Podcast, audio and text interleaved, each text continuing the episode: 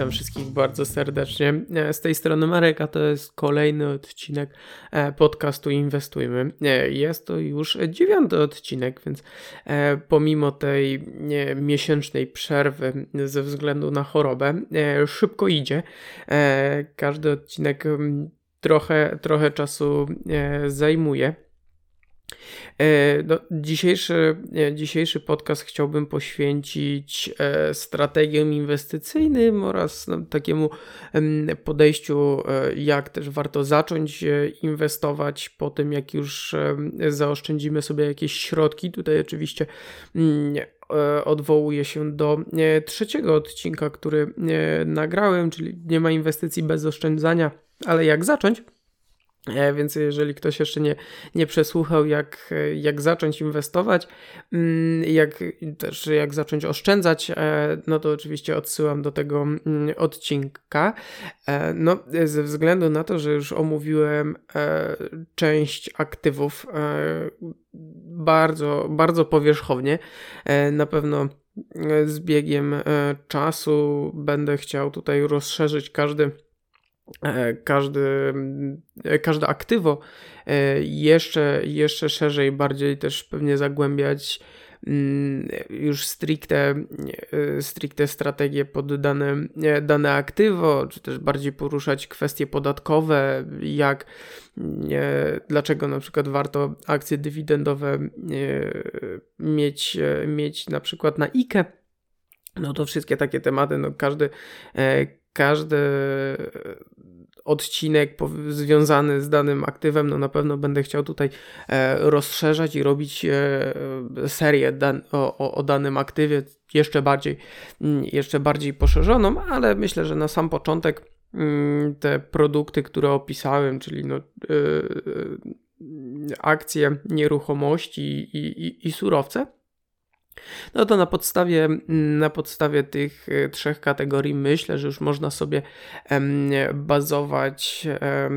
bazować, można już sobie tworzyć jakiś e, portfel e, inwestycyjny. Oczywiście no nie, ma, nie, nie ma też jeszcze ważnego aktywa, jakim są obligacje. Myślę, że w niedługim czasie odcinek o obligacjach nagram, aczkolwiek no jeszcze sam muszę się mocniej do, do obligacji e, douczyć, żeby tutaj nikomu nie e, wciskać e, kitu, jeżeli chodzi o to aktywo, bo po prostu no, tu będę szczery, po prostu nie jeszcze, jeszcze dla mnie nie, obligacje nie są tak ważne, więc, więc po prostu sam indywidualnie sobie jeszcze troszeczkę obligacje odpuściłem, no ale powoli, e, powoli już gromadzę materiały już się edukuję na temat e, obligacji, e, więc myślę, że w niedługim czasie też taki odcinek się pojawi. E, więc w takim razie, e, jeżeli podoba Ci się mój podcast, to oczywiście zachęcam do komentowania i oceniania go oraz zachęcam, zachęcam do odwiedzenia strony na Facebooku, oczywiście nazwa Inwestujmy. Oczywiście też link będzie w opisie tego podcastu. Zachęcam, żeby, żeby nam się też tworzyła fajna E, społeczność e, podcastowa, więc e, zachęcam do, do śledzenia i w takim razie już nie przeciągam tematu i, i, i wchodzę do głównego tematu, że tak powiem. Więc jeżeli chodzi o mm, strategie inwestycyjne, no każdy, myślę, że ile, ilu inwestorów, tyle, tyle podejść do, do inwestowania. E, moim zdaniem e, trzeba, trzeba spróbować wszystkiego,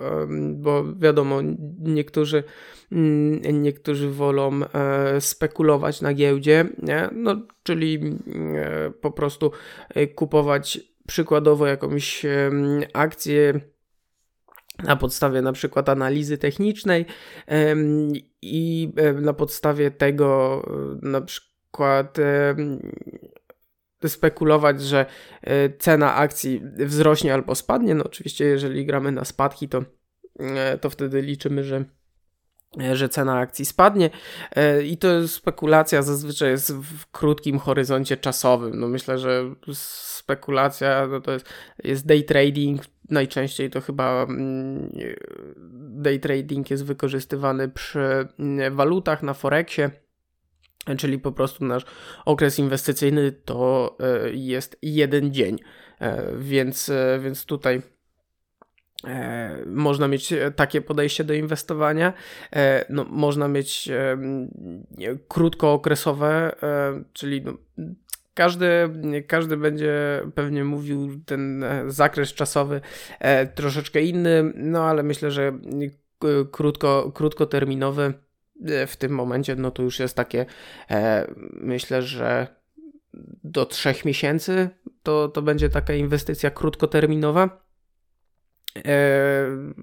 E, no wiadomo, wtedy też kupuje się e, aktywa troszeczkę z większym horyzontem e, czasowym, e, więc mm, tutaj nie trzeba, myślę, nic, nic bardziej tłumaczyć. Później no, jest okres średnio, średnio, średni termin, no to tu już uważam, że, że to jest tak do roku na giełdzie myślę, że spokojnie do, do roku to jest właśnie taki e, średni mm, termin, e, no i długoterminowe, no to jest już powyżej, e, powyżej roku. No tutaj każdy mm, myślę, że może mieć e, inne podejście, jeżeli ktoś by mi powiedział, że inwestowanie średniookresowe jest, e, jest na przykład do dwóch, trzech, e, czterech lat. E, myślę, że też bym mógł się z tym zgodzić, więc tutaj nie jest to aż tak, tak ważne, tylko tak naprawdę ważniejsze jest to, w jakich intencjach e, my to inwestujemy, tak? No bo jeżeli, e, jeżeli uznajemy, e, że sobie zainwestujemy w daną akcję z jakimś horyzontem wiem, tygodniowym czy miesięcznym, mm, no to mm, wiadomo, że że to jest już taka bardziej spekulacja, bo ciężko jest na podstawie jakichś danych finansowych określić, że akurat spółka w przeciągu miesiąca, miesiąca urośnie, no bo po prostu tak często nie wychodzą, nie, e, spółka nie publikuje nawet nie, e, dokumentów, sprawozdań finansowych, więc, e, więc myślę, że można to też na takiej podstawie ten, ten okres, okres zaliczać. Mm, więc jeżeli chodzi o horyzont czasowy. No to można pod tym względem e, sobie mm, dzielić e, i uważam, no każdy, mm, każdy powinien moim zdaniem e, spróbować siebie w każdym, w każdym tutaj okresie, ponieważ może się okazać, nie wiem, przeczytamy dużo książek o, o inwestowaniu krótkoterminowym, o, o właśnie day tradingu no i e, ta edukacja na przykład nie, na, na niewiele się zda. Po prostu będziemy, będziemy tracić na giełdzie. E, no to może po prostu ta e, day trading czy, czy, czy inwestowanie krótkoterminowe nie jest dla, dla ciebie, e, więc warto wtedy mm, sobie też inwestować średnio czy długoterminowo. Ja tutaj szczerze powiem, próbuję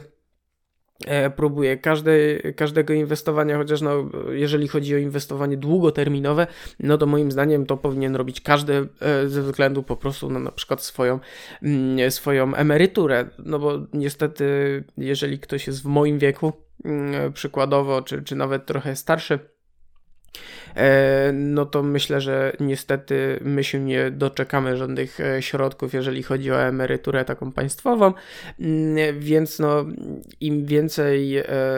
czasu będzie się miało na inwestowanie, od młodszych lat się zacznie inwestować w długookresowym mm, terminie, no to te nasze wyniki na emeryturze będą jeszcze, jeszcze lepsze, no bo tutaj oczywiście chodzi o E, procent składany, czyli, e, czyli im, im dłużej inwestujemy, tym po prostu nasze wyniki są, e, są lepsze, więc no, długoterminowo uważam, że każdy powinien powinien inwestować i to jest też dla mnie inwestor. Dla mnie osoba, która day traduje czy, czy kupuje na krótki okres, no to jest po prostu osoba, to jest spekulant. To nie jest inwestor, tylko spekulant, no spekulant chce po prostu jak najszybciej, mm, jak najwięcej e, zarobić. No, moja definicja inwestowania jest troszeczkę inna, troszeczkę z tym mm, niezgodna. E, inwestorem no, powinien być każdy, a spekulantem no niekoniecznie. Zależy kto, e, kto się jak w tym czuje. Więc jeżeli chodzi o o, o inwestowanie jeżeli chodzi o okres, no to każdy powinien spróbować i, i, i, poczuć, czy to jest dla niego. No ja na przykład uważam, jeżeli, jeżeli, jeżeli chodzi o mnie, no to mm, jeszcze jeżeli krótkoterminowe inwestowanie, czy taka spekulacja krótkoterminowa e, jest dla mnie w porządku, jest to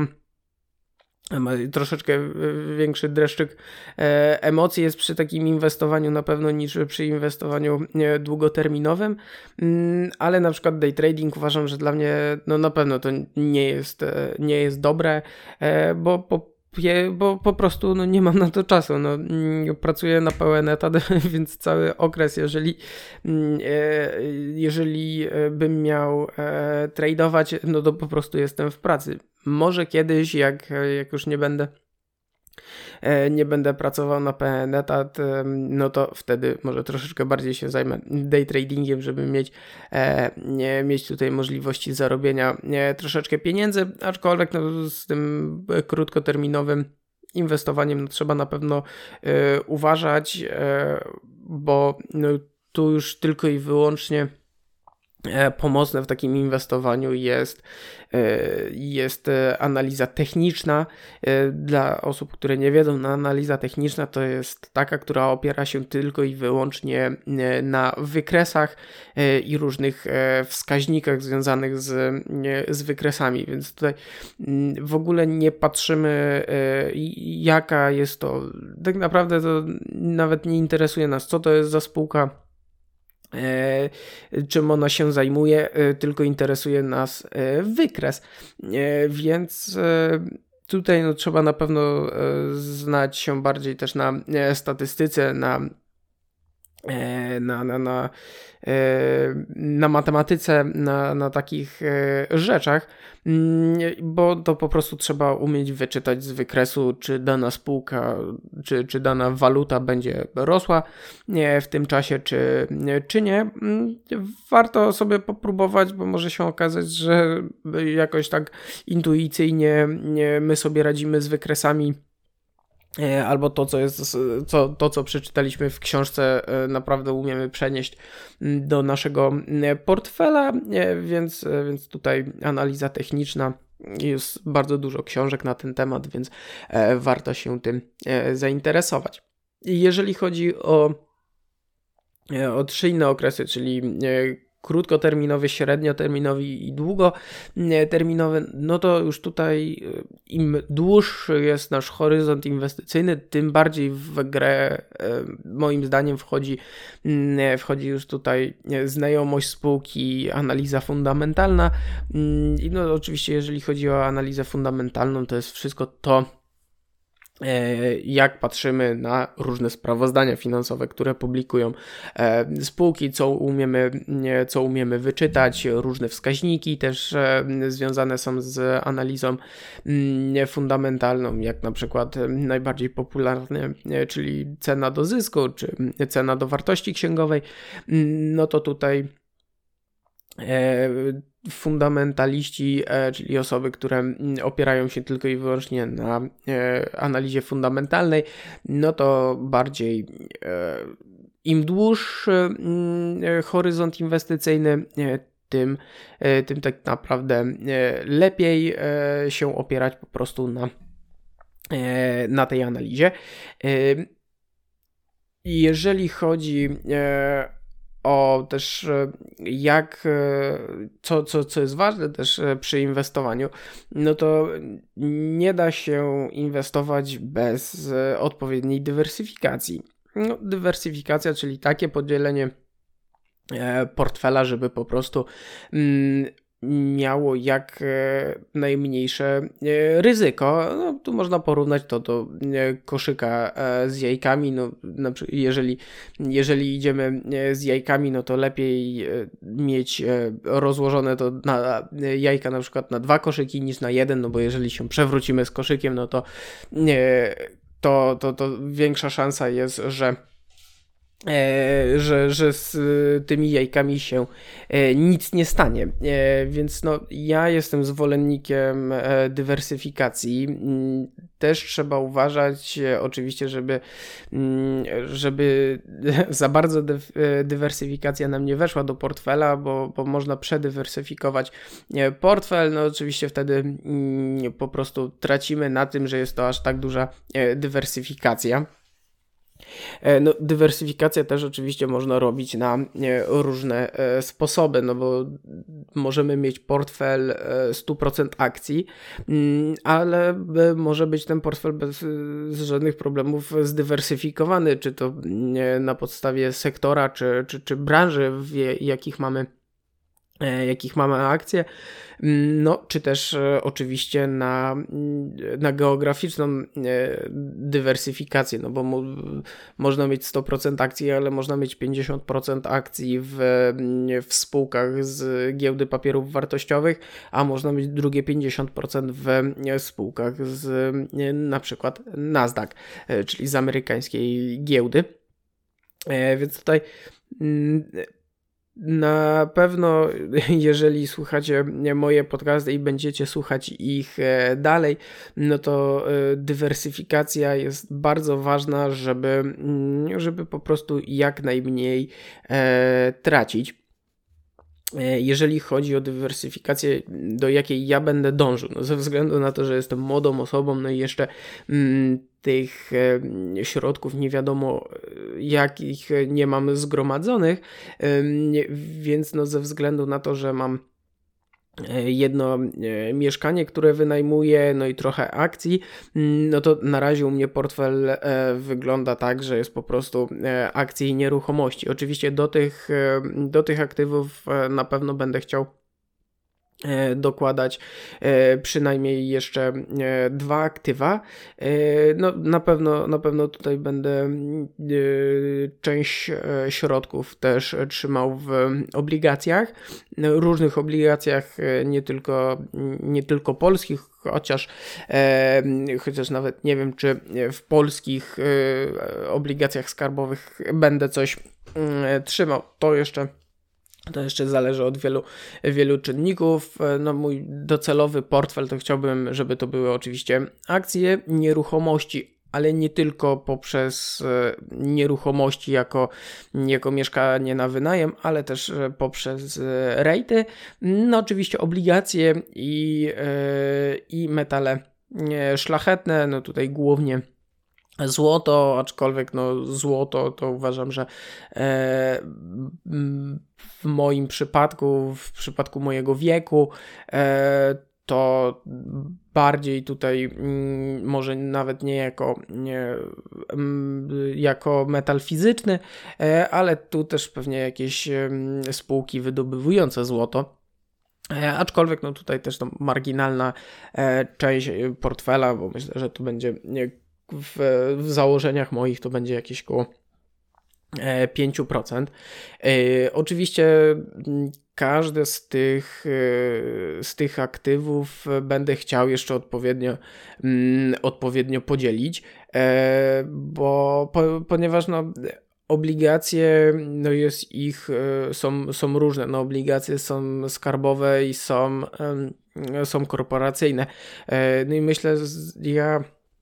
Będę chciał budować raczej agresywny e, portfel, e, no, ze względu po prostu na to, że jestem młodą osobą i jeszcze, e, jeszcze nie muszę aż tak bezpiecznie inwestować środków, więc na ten moment planuję po prostu mieć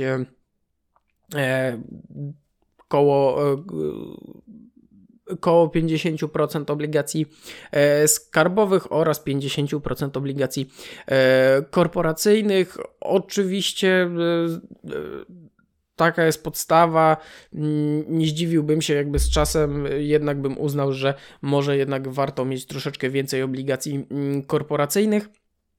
E, oczywiście, jeżeli chodzi e, o obligacje korporacyjne, no to też na, w pierwszym odcinku lekko,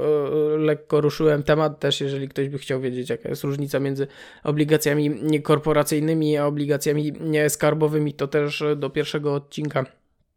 e, tutaj e, zapraszam, żeby sobie e, przesłuchać. Więc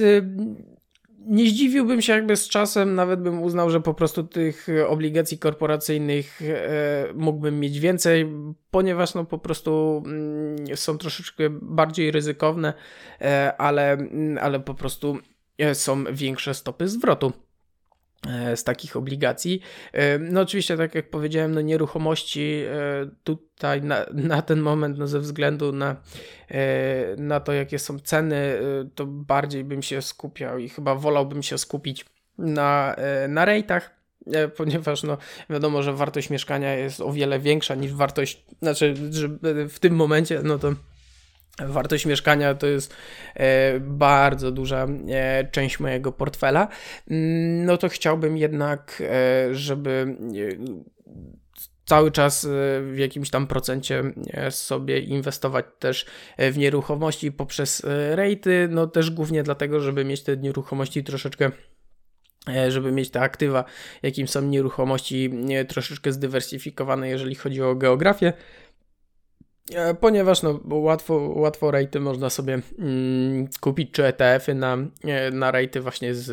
e, z Chin czy, czy, czy, czy z Ameryki. I jeżeli chodzi o o część tą nieruchomości, no to e, bardziej w tym kierunku chciałbym ją e, bardziej chciałbym ją e, kierować, żeby mieć to, to, to aktywo zdywersyfikowane. jeżeli chodzi o akcje, no to też tu będę mm, na pewno sobie dywersyfikował. E, ja w tym momencie e, no to głównie skupiam się na, e, na akcjach dywidendowych ze względu po prostu dywidendowych i, i, i,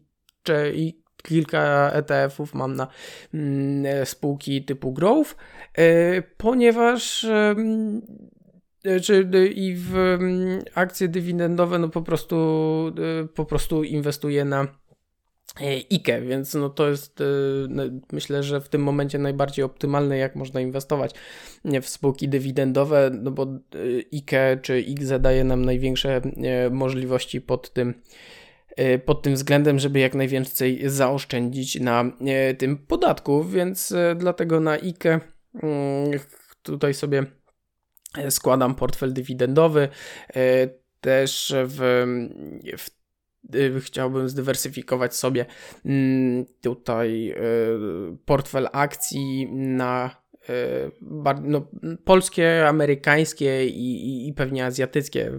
w, takich mm, proporcjach nawet nie zdziwiłbym się jakby to było po, po 33% jeżeli chodzi o te rynki myślę, że to też jest e, odpowiednia e, dywersyfikacja. Oczywiście, no, no poza tym, że to dywersyfikacja, mm, jeżeli chodzi o, mm, o geografię, no to jeszcze w tej, w tej dywersyfikacji geograficznej, no jeszcze, jeszcze dywersyfikacja na różne sektory czy, czy, czy branże, no ale tutaj już nie będę aż tak, mm, aż tak tego tematu poruszał. E, więc e, jeżeli chodzi o moje założenia, jakbym chciał, e, żeby mój portfel wyglądał i oczywiście to, to, to mniej więcej tak by to wyglądało, oczywiście no, w, ty, w, w metalach w metalach też pewnie jakaś część znaczy, może to, może nie nazwa części portfela metale, ale bardziej surowce, mm, też jakiś ETF na e, spółki wydobywujące, czy to właśnie złoto, srebro, czy, e, czy związane z, e, z ropą, czy, czy, czy z uranem.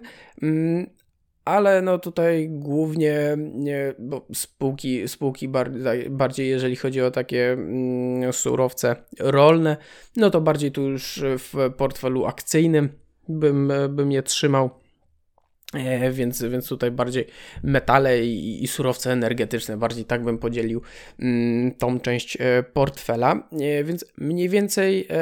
tak, no oczywiście poza, poza tym portfelem, bo to, co opisałem, ten portfel, no to chciałbym, żeby to był taki portfel mm, długo, długoterminowy żeby sobie właśnie, czy to, żeby dostawać, czy to mm, dywidendy ze spółek, czy, czy, czy właśnie odsetki z obligacji, mm, żeby móc to cały czas reinwestować. No, złoto oczywiście, e, czy, czy srebro na wypadek jakby faktycznie coś działo się źle, jakby była jakaś hiperinflacja, no to e, po to, po to oczywiście tutaj złoto. Mm, nieruchomości e, bardziej, tak jak powiedziałem, bardziej tutaj chodzi mi o, o, o rejty, czyli też, czyli też dywidendy, które można by było E, sobie reinwestować, e, aczkolwiek też, żeby się nie obawiać, że mam tylko i wyłącznie tam nieruchomość mm, w, w, w Polsce i, i, i, i, tylko tyle, e, więc też sobie właśnie e, może jakiś ETF na, na, na, na rejty e, azjatyckie bardziej, bardziej w, tym, e, w tym kierunku. E, tak jak powiedziałem, to jest e, moje założenie, jakbym chciał, żeby docelowo wyglądał mój, mój portfel. Myślę, że rebalancing będę robił w, raz w roku, może dwa razy w roku. Mm, oczywiście, jeżeli chodzi o rebalancing dla osób, które które nie wiedzą, no to po prostu e, jak chciałbym, żeby cały czas ten portfel e, wyglądał. No jeżeli, jeżeli nagle, nie wiem, bardzo wzrosła cena mm, akcji, no to po prostu część, część sprzedać i jeżeli w tym czasie na przykład straciło mocno E, mocno obligacje, no to część z, z akcji przełożyć do, e, do, do obligacji, żeby po prostu te, te procenty cały czas, tam no te dwa razy w roku, e, żeby one po prostu się zgadzały, tak, żeby, żeby nie było tak, że nagle, nagle z 50 mm, z 50% akcji nagle, nagle mi się zrobiło 70. Tak, tylko później te 20%, które mam e, nadwyżki w akcjach, e, przełożyć do, e, do tych innych aktywów, które no, widocznie są, które, które widocznie spadły, są pewnie mniej dowartościowane, które warto kupić, żeby na przykład uśrednić mm, cenę. E, więc tak to e, wygląda, jeżeli chodzi, jakbym chciał, e, żeby mój portfel wyglądał. No oczywiście myślę, że wraz z wiekiem i, z, nabywanym doświadczeniem ten portfel może się, może się zmieniać. Ale to jest taki portfel długoterminowy i takiego, taki mi się marzy. taki chciałbym, żeby on tak mniej więcej wyglądał. Oczywiście poza, poza tym, że, mm, że tutaj będę składał sobie portfel długoterminowy, mm, no to też e, e, na pewno chciałbym cały czas jeszcze próbować swoich sił w, bardziej w, w krótkoterminowych inwestycjach. Oczywiście mm, mam odłożone środki, które wiem, że mogę po prostu stracić. Jeżeli, jeżeli by bardzo źle by mi poszły inwestycje, jeżeli stracę te pieniądze, to znaczy, że spekulowanie czy inwestowanie w krótkim terminie po prostu nie jest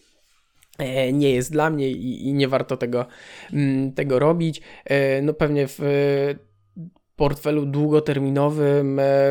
mogę w pewnym momencie uznać, że może warto by było mm, e, do, dokupić jakieś e, kryptowaluty. Coraz częściej się spotyka, mm, jak, jak widzi się jakieś portfele, podziały portfeli różnych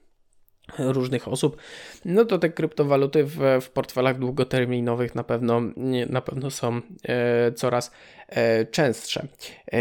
więc jeżeli chodzi o, o portfel, o strategię, no to przede wszystkim e, warto, warto się kierować tylko i wyłącznie swoją wiedzą. E, można e, spoglądać jak ktoś ma e, podzielony portfel, no ale uważam, że to nie ma jakiegoś większego sensu ponieważ osoba, e, której portfel e, widzicie, czyli tak na, na przykład jeżeli słyszycie, jak ja chciałbym złożyć sobie portfel, e, a wy uznacie, nie no, bez sensu, to jest bardzo agresywny portfel, ja nie wytrzymam takich wahań cen no to wiadomo, że, y, że ten portfel nie będzie dla Was. Dlatego zawsze każdy powinien, mm, powinien e, wymyśleć e, swój podział portfela, ponieważ dla, dla kogoś będzie mm, e, za mało tyle, ile ja chcę. Ja chciałbym mieć na przykład E, aktywów w nieruchomości czy w rejtach, to dla niego może, może być to po prostu za mało, bo on woli mieć mm, trzy kawalerki w Warszawie na wynajem, a, później, a resztę to tylko jakąś tam część obligacji, e, no to to jest tylko i wyłącznie e, wasza decyzja, ale proszę ją opierać na swojej wiedzy, a nie na na wpisie kogoś na, na Twitterze. No oczywiście ja chcę, żeby mm, finansami e, interesowało się coraz więcej ludzi. No, z takim przesłaniem uruchomiłem podcast, e, żeby troszeczkę tutaj mm, zarażać ludzi e, swoim, swoją miłością do, do rynków kapitałowych. I, i, I też, żeby po prostu e, każdy, każdy się w tej kwestii e, edukował. Naprawdę nie trzeba, e, nie trzeba nie wiadomo ilu książek przeczytać, żeby wiedzieć już jak można mm, sobie te pieniądze ulokować, żeby, żeby, żeby nie leżały bezsensownie na lokacie, kiedy, e, kiedy jest 1% na lokacie, e, a inflacja 8%, więc mm, naprawdę nie trzeba dużo. Teraz jest to o wiele łatwiejsze, ponieważ e, są fundusze ETF, które naprawdę ułatwiają e, inwestowanie, nie trzeba, nie, nie trzeba się przejmować i, i ETF-y są o tyle fajne, że po prostu nie ma w nich e, dużych kosztów w porównaniu czasami do różnych funduszy inwestycyjnych inwestujących aktywnie. Więc no, odcinek o E, o ETF-ach e, na pewno, na pewno powstanie e, ze względu na to, że, że piszę pracę magisterską na ten temat, no to mm, myślę, myślę że tutaj prześwietlę ETF wszystkie w, wdłuż, wzdłuż i, i, i wszerz. Więc, więc taki odcinek na pewno też powstanie. Więc proszę pamiętać, żeby się edukować, żeby dywersyfikować mm, swoje portfele, e, żeby oglądać e, innych e, mądrych ludzi, mm, jakich na przykład właśnie Marcin Iwódź czy, czy, czy, czy Mateusz Samołyk słuchać podcastów, interesować się tematem, e, bo y, jeżeli jesteście w moim wieku albo trochę starsi, e, no to nie możecie, nie możecie liczyć na to, że, że za 20, 30, 40 lat będziecie mieli jakąkolwiek emeryturę, więc trzeba o to zadbać mm, samemu, a im szybciej, tym lepiej, to tym więcej. E, zgromadzicie e, środków na emeryturę, żeby sobie żyć spokojnie. Więc e, mam nadzieję, że, że tutaj każdy, każdy będzie chciał się edukować na, na ten temat. Dobrze, dzisiaj troszeczkę, troszeczkę krótszy odcinek, chociaż już mi tutaj powoli gardło wysiada. E, ja dziękuję wszystkim e, za przesłuchanie i jeszcze raz zachęcam do, e, do zalajkowania fanpage'a na Facebooku. Jeszcze raz powtórzę, że link, link w opisie i też zachęcam do, do komentowania i, i, i lajkowania samego podcastu, żebyś, żebyśmy tutaj docierali do, do jak największej mm, ilości osób, żeby tutaj zarażać zarażać ludzi do, do, do zaraz, zarażać ludzi miłością do,